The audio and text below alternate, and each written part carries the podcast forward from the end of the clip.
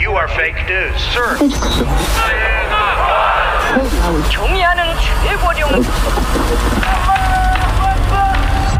on neljapäev ja kahekümnes veebruar, Delfi stuudios räägivad välisuudistest Päevalehe ajakirjanik Kadri Veermäe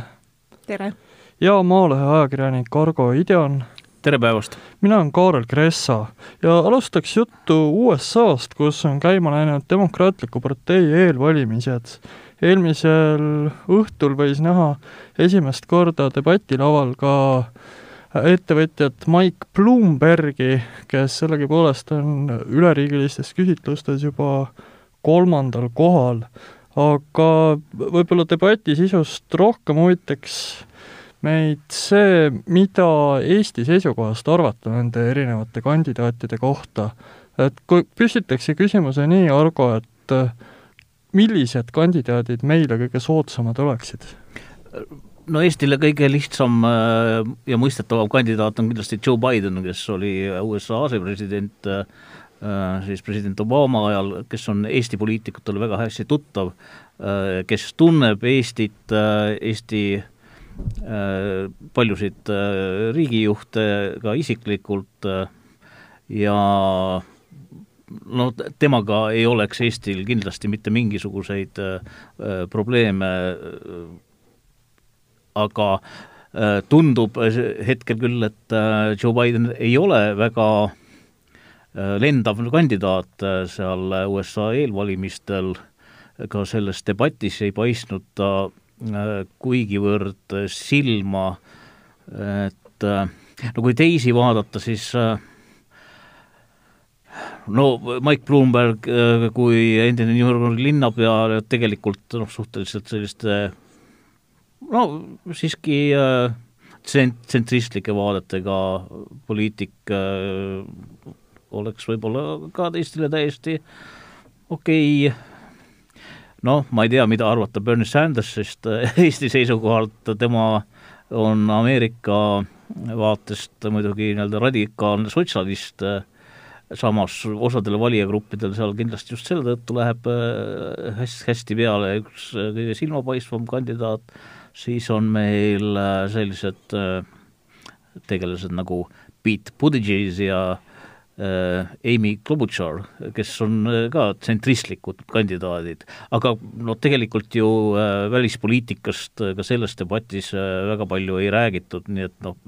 üldse see välispoliitika ei tundu olevat äh, eelvalimistel mingisugune väga suur teema, noh ainult siis, kui õnnestub kellelegi öelda, et sa ei tea, kes on Mehhiko president, eks ole, siis on äh, see selline äh, noh, kõlav pealkiri, aga noh, sisuliselt välispoliitikast ju väga palju seal ei räägita. Jah, kui vaadata, et mis need teemad on äh, esile kerkinud, siis üldiselt on räägitud, et mingeid väga drastilisi muutusi demokraatide kandidaadid hetkel ei ole välja pakkunud, aga nagu öeldud, et nad ei ole selle teemaga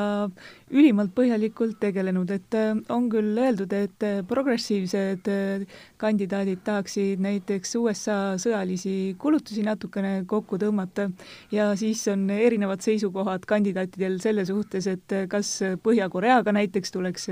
edasi suhelda või tuleks need praegusel hetkel väga ebaselges seisus nii-öelda rahuläbirääkimised, et kas võib-olla peaks need üldse ära lõpetama, aga väga paljud kandidaadid on ka seda meelt, mida, mida arvab ka praegune vabariiklasest riigipea Donald Trump, et Lähis-Ida sõdadest võiks küll välja tulla, et siin ei ole USA-l enam midagi väga teha. aga kes vastaks sinu meelest kõige paremini meie huvidele? no ma arvan, et võib-olla Joe Biden oleks selline, sellepärast et äh, ta on tõesti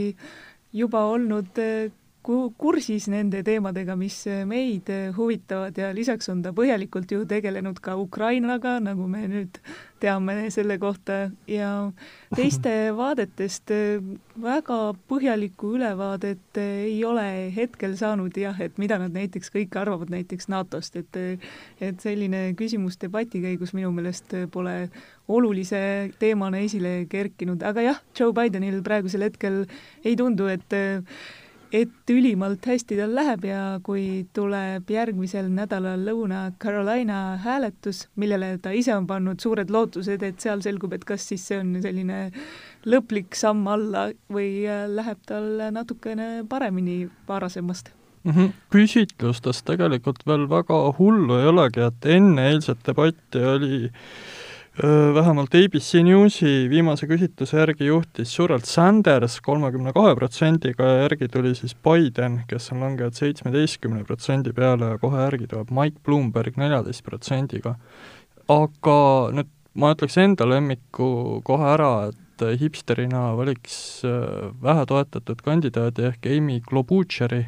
kes on suur Ukraina ja Balti riikide toetaja käis alles hiljuti Kiievis ja tegelikult käis mõni aasta tagasi ka siin, seda juba Jüri Ratase valitsuse ajal, aga ma ei oskagi nüüd öelda, kas praeguse või eelmise. igal juhul noh, tema, tema vaated on täpselt sellised traditsioonilise, ütleme, natuke parempoolse demokraadi vaated, mis võiks meile hästi sobida. nojah, eks seal USA eelvalimistel või demokraatidel ongi ju see probleem, et et üks asi on, kes on nii-öelda demokraatide sellise tüüpvalija meelest tore kandidaat, teine asi on see, milline kandidaat oleks siis äh, nagu Trumpi äh, vastu kõige parem välja panna ja kes oleks äh, niisugune kandidaat, kes oleks äh, valitav, ehk kellel oleks võiduvõimalus Trumpi vastu. noh, ja see ei pruugi üldse omavahel tegelikult äh, kokku minna ja see, ma arvan, et see küsimus just ajab äh, valijaid ka natukene segadusse, et kas me peaks nüüd valima selle inimese, kes meile endale meeldib, või peaks valima sellise, tegelema strateegilise hääletusega ja üritada toetada seda kandidaati, kes võiks saada vastu Donald Trumpile, aga ma ei tea, kes, kes neist peaks kõige paremini Donald Trumpile üldse vastu saama ja jah, et kui Mike Bloombergi puhul on minevikust välja toodud ütlemisi, mis mõjuvad osade kriitikute arvates rassistlikult ja seksistlikult, siis võiks ka öelda, et tegelikult need ütlemised aitavad lähemale tuua tsentristlikku valijat, kes on võib-olla ka natukene rassistlikum ja seksistlikum kui demokraatide tuumikvalija. aga minule teeb Bloombergi puhul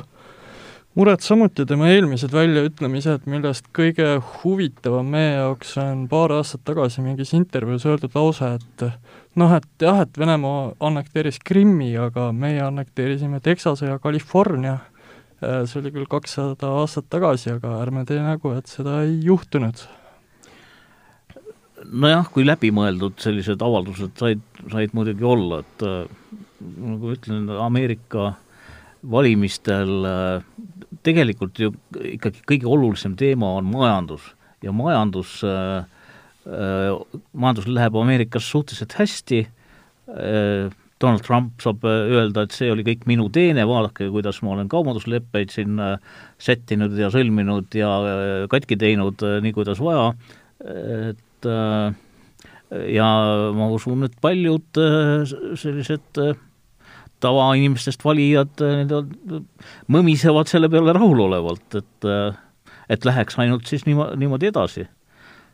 Ma ütleks, et see Bloombergi üldine suhtumine, mida väljendavad tema kommentaarid, ongi selles mõttes murettekitav, et talle kuulub ka uudistekorporatsioon Bloomberg News ja teadaolevalt näiteks äh, mingi umbes kaks tuhat kolmteist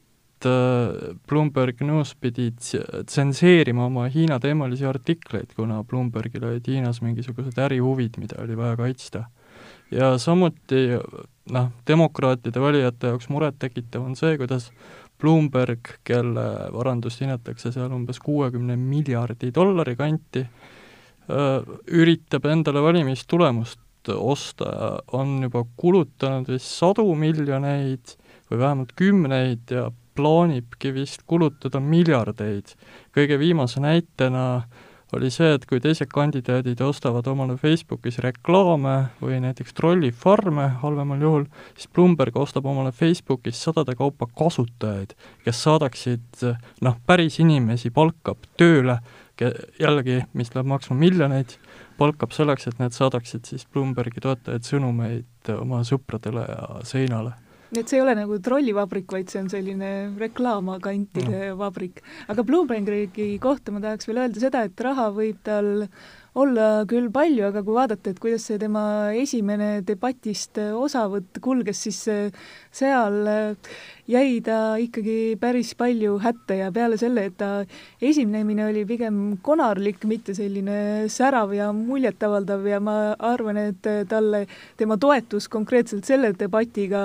vist paljude seas pigem ei tõusnud, vaid langes, aga need debatid ongi selles suhtes olulised, et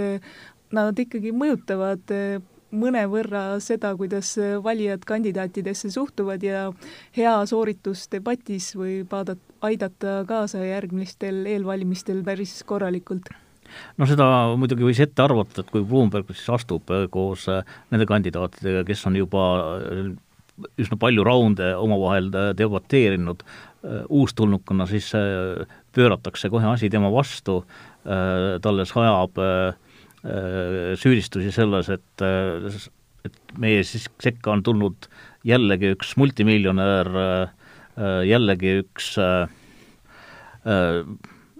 halbade väärtuste esindaja, nii et noh, selles mõttes oli see päris ootuspärane ja noh, küsimus oli, kas tal õnnestus nagu sellest kuidagi üle olla või noh, anda mingisugune selline retooriline vastus, mis oleks valijale, kes debatti jälgis peale läinud, no äh, lugedes ülevaateid, pigem ei õnnestunud ja minu meelest see ka, et kurtmine, et nüüd Bloomberg rahaga üritab midagi osta, on natukene huvitav, sellepärast et USA valimistel mängib ju raha väga olulist rolli, et kui sa oled selline äh, suvaline, suvaline inimene kuskilt tänavalt, siis sul ei ole eriti võimalust presidendiks saada, kuigi ma ei, ma ei tea riiki, kus see väga või, võimalik oleks, aga seal raha mängib ma arvan, nii, ütleme, võrdleme siis Eestiga, Eestiga võrreldes märgatavalt suuremat rolli. Ma märgiks veel protokolli mõttes, et äh, laupäeval on siis eelvalimised Nevadas ja pärast seda paari päeva jooksul Lõuna-Californias, aga päris huvitavaks läheb asi siis alles viieteistkümnenda märtsi, niinimetatud superteisipäeval, kui valib äh, eh, vabandust, kolmandal märtsil, kus valib viisteist osariiki, enda seas Texas ja California. ja siis vist saavad jõujooned juba päris selgeks. Ja äh, liiguks siit korraks edasi Hiina olukorra juurde koroonaviiruse taustal ja mitte ainult,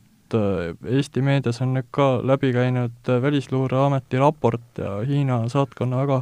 valuline vastus. aga mul selle viiruse epideemia suhtes lisaks mõjule, mida see võib avaldada maailma majandusele, eriti nüüd, kui Lõuna-Koreas on nakatunuid juba üle saja, tekib see mõte, et kas nagu Hiina PR oleks järsku kuidagi muutunud, et Hiinast läks nagu suur kogus õhku välja lastud diplomaatilises mõttes või kuidas? no ei tea, eks Hiina üritab ikkagi ju oma äh, renomeed parandada ja enda asja ajada nende samade meetoditega, mida ta on kogu aeg teinud äh,, ta on ostnud ka Eesti väljaannetes äh, nii-öelda reklaamipinda või sisuturunduspinda et oma sõnumeid äh, levitada ja äh, muuhulgas ka selle koroonaviiruse asjus, no pigem on ju, on ju see, et, et Hiina noh, Hiina jaoks kahtlemata on tegemist väga suure probleemiga linnad on, ütleme, mõned linnad on siis inimtühjad sisu, sisuliselt tänaval, inimesi ei käi, no ja, ja kui sa lähed tänavale, siis on seal mingisugune valvur või ametnik, kes ütleb sulle, et mine koju tagasi, mis sa teed siin tänaval ja, ja no inimesed ei saa minna tööle, ei saa minna kooli, mida, mida saab teha muidugi nii-öelda kaugtöö meetodil seda tehakse aga noh, kõike loomulikult ei, ei saa. Ja ja nüüd on ju ka tagajärg, tagajärg siis see, et mõned riigid on hakanud üldse piirama näiteks Hiina kodanike nii-öelda sissesõitu, Venemaa tegi seda, värsked uudised räägivad Singapurist, et kui kas või Singapuri kodanik tuleb, siis Hiinas ta pannakse nii-öelda karantiini kaheks nädalaks. just seda ma mõtlengi, et Venemaa keelas kõigil Hiina kodanikel sissesõidu, samal ajal kui Austraalia keelab noh, Mandri-Hiinast tulevatel inimestel ajutiselt sissesõidu, aga Venemaa keelab ka ütleme, kindlasti on Tallinnaski Hiina kodanikke, kes on viimased aastad siin elanud ja oma mingisugustki viirust, aga neid ka ei lasta sisse. ja seda Venemaal, mis on nagu Hiina hea sõber justkui. nojah, eks Venemaa teeb oma otsuseid selle järgi, mis ka seal nii-öelda sisepoliitiliselt on nii-öelda rahvale arusaadav või mis, mis sobib, et kui parajasti on hiinlaste juures mingisugune halb koll, siis keelatakse kõik hiinlased ära nii-öelda, ma lugesin ka väiteid, et Moskva linnatranspordi juhtidel kästavat nii-öelda teatada, kui mõni hiinlane, Hiina välimus, hiinlase välimusega inimene tuleb nii-öelda bussi, ma ei, ma, ma ei, ma ei kujuta ette, kas see saab olla nagu tõsi, et paljud Vene kodanikud on ju asiaatliku no, no, no, no täp-, no täpselt, ega kõik ei teegi vahet, kas äh, hiinlane või, või kirgiis või tadžikk, eks ole. Äh,, noh, raske, anekdoot ju rääkis Jaapani sümfooniaorkestrist, kes sõitis Moskva metroos ja ja siis äh, äh, kahtlustati äh, neid äh,, et tegemist on grupi ehitustöölistega, kes Tadžikistanist saabusid aga noh, see on anekdoot. aga noh, siiski räägib midagi noh, mõtteviisist. aga kui nüüd rääkida sellest, et kas, mis mõju see koroonaviirus on Hiinale avaldanud, siis ma arvan, et ikkagi on enneaegne hakata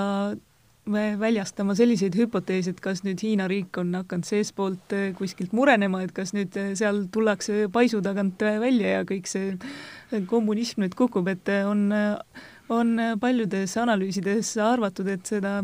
infot, mis kuskil Hiina eri kohtades toimub, et seda on küll tavapärasest rohkem, aga see ei tähenda, et oleks märke nagu midagi põhimõtteliselt muutuks, et see režiim kestab edasi ja president on ametis ja ka koroonaviiruse juhtumid nüüd iga päevaga on natukene väiksemaks jäänud, nii et võib-olla see ebameeldiv seik lihtsalt laheneb mingi aja jooksul. no nad on väiksemaks jäänud Hiina valitsuse sõnul. seda küll, jah. no siiski mingi, ma, ütleks, mingisugune äh, positiivne noot siiski sõnumites on juba ka sellepärast, et äh, no ega Hiina ei ole, eks ole, ainus, et kui tegemist oleks tõesti sellise epideemiaga, mis nüüd kindlasti levib üle üle maailma, noh siis me saaksime neid teateid ju ka nendest riikidest, mille juhtimine on märksa vähem autoritaarne kui Hiinas, aga selliseid sõnumeid äh, siiski pigem ei ole, on, äh, on ütleme siis selle kruiisilaeva probleem nii-öelda Jaapanil äh,, no väga ütleme siis vastik olukord, eks ole, sa oled kuskil äh, laevaga mine, läinud lõbusõidule ja siis selgub, et tegemist on sellise äh, viirusepesaga lõpu ja, ja tege-, noh, ongi inimesed, inimesed surevad samal ajal äh, äh, no võtame näiteks Indoneesia Indoneesiast ei ole ametlikult teatatud ühtegi, ühtegi juhtumit, mis on müstiline, sellepärast et noh, tegemist on äärmiselt suure rahvaarvuga riigiga, mis asub, eks ole, Kagu-Aasias seal kõigi nende teiste, teiste riikide kõrval ja noh, ma noh, ei ole, ei ole üldse arusaadav, et äh, kuidas see, kuidas see olukord nii saab olla, kui kõik na-, nii-öelda naaberriigid äh, on äh, teatanud vähemalt mõnedest juhtumitest. on ka arvatud seda, et just Indoneesia puhul, kus on ju ka eestlaste seas armastatud Bali saar, et et võib-olla seal juhtumeid on, aga sellest lihtsalt ei teatata, aga see no ongi see väga raske, väga raske on tuvastada siit Eestist, et kuidas see olukord tegelikult on ja mingeid selliseid vandenõuteooriatesse ei tahaks ka samal ajal laskuda. see ongi huvitav, et äh, öeldakse, et äh, omaaegsed siis tugitooli nii-öelda globaal, globaalprobleemide lahendajad on nüüd hakanud siis diivani viiruseteadlasteks mm. ja, ja noh, internet, internetis võib lugeda selle kohta mida vaid, käivad suured vaidlused, ühed ütlevad, et ärge tekitage paanikat, teised, teised kasutavad, et kõike varjatakse, tegelikku olukorda ei räägita, no eks me näeme, et mis siis tegelikult, tegelikult juhtub, aga no muidugi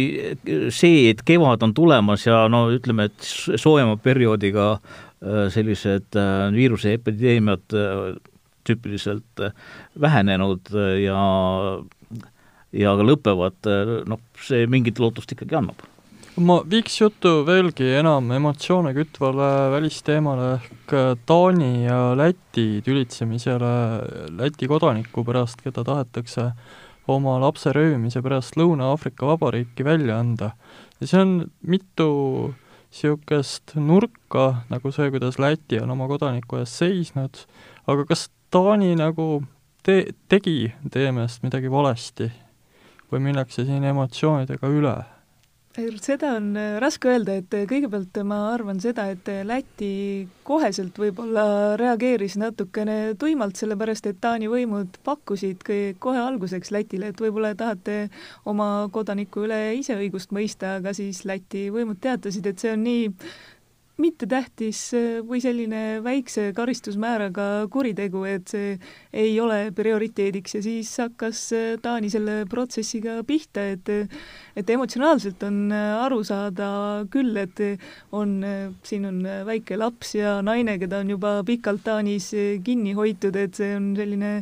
ebameeldiv teema ja omaette küsimus on see, et ka, miks seda naist seal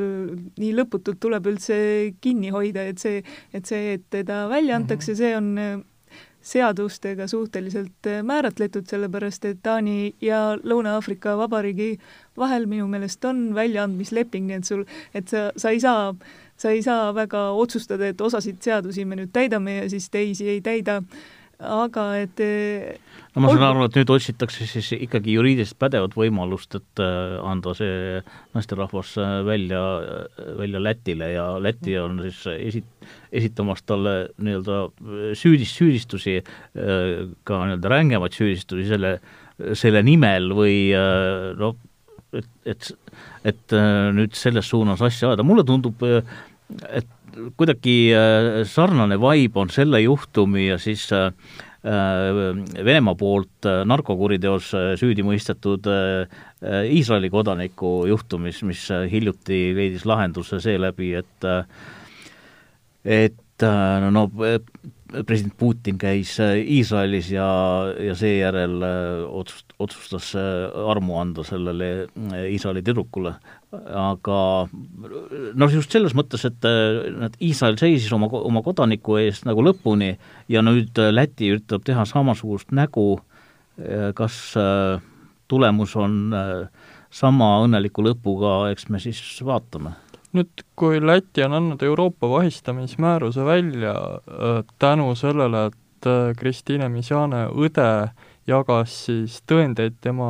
väidetavatest kuritegudest Lõuna-Aafrika Vabariigis, mis puudutasid dokumendi võltsimisi, siis nüüd Lätil on tõesti alus teda Taanilt kui kurjategijat välja nõuda, mis paradoksaalsel moel siis parandab tema olukorda. aga ma ütleks, et kõik kolm riiki on justkui nagu minu seisukohast õigesti teinud, et see, kuidas Läti nagu on igal tasandil öelnud, ükskõik kus nad Lä-, Taani valitsusliikmeid on selle aasta alguses vähemalt näinud, ma tean, mis nad eelmisel aastal tegid, igal juhul nüüd, nüüd on pandud nagu kõik diplomaatilised rattad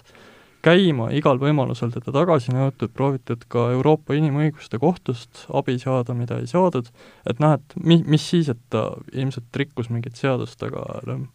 no Eesti üritas ju täpselt sama teha oma laevakaitsjate probleemiga, olgugi et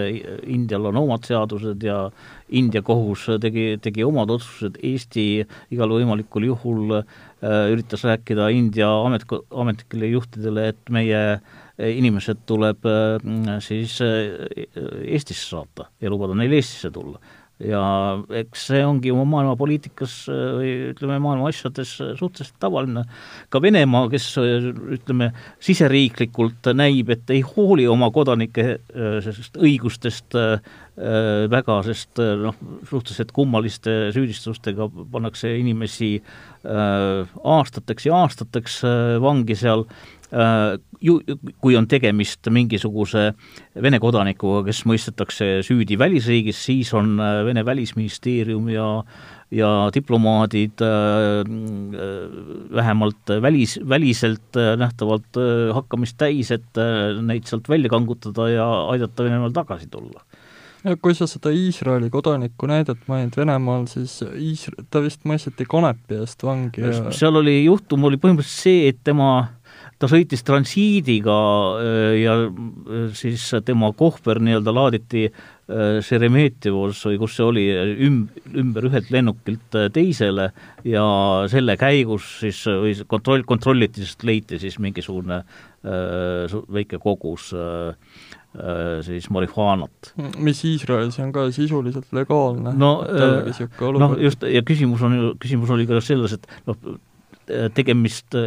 no et see äh, tütarlaps äh, nagu ei sisenenud üldse Venemaale, eks ole, äh, noh, ta lihtsalt, lihtsalt vahet-, vahetas, tahtis vahetada lennukit, aga kui leiti see keelatud aine, siis nii-öelda võeti ta kohe rajalt maha oh,. jah. ja Misane kohta tuleb seda veel öelda, et hetkel ei ole ju äh, mingit väga selget lahendust ikkagi ei ole, sellepärast et need äh, Lõuna-Aafrika Vabariigi esindajad on Kopenhaagenisse juba eile kohal sõitnud, et nemad on valmis äh, eskortima teda tagasi Lõuna-Aafrika Vabariiki. Ja siis äh, lätlased tõesti pingutavad nii, et veri ninast väljas, et seda ei juhtuks.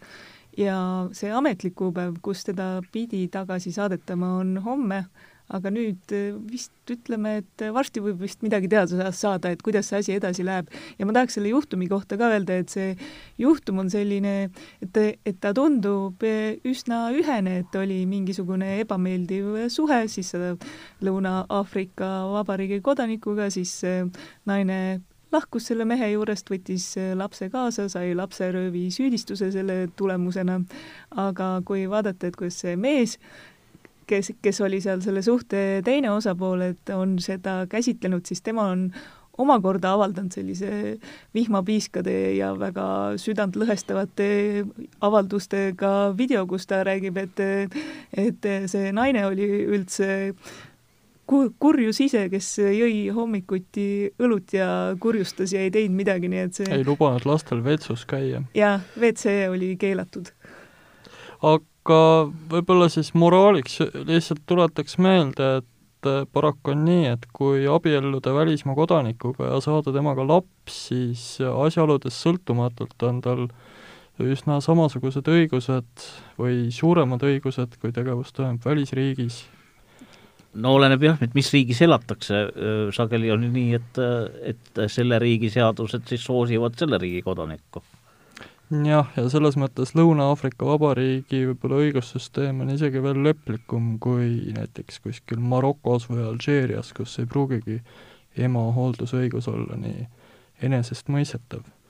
aga selle ilusa mõttega tänaseks lõpetaksime, stuudios olid Kadri Veermäe ja Argo Iidjan, mina olen Kaarel Kressa, aitäh, nägemist! You are fake news, sir.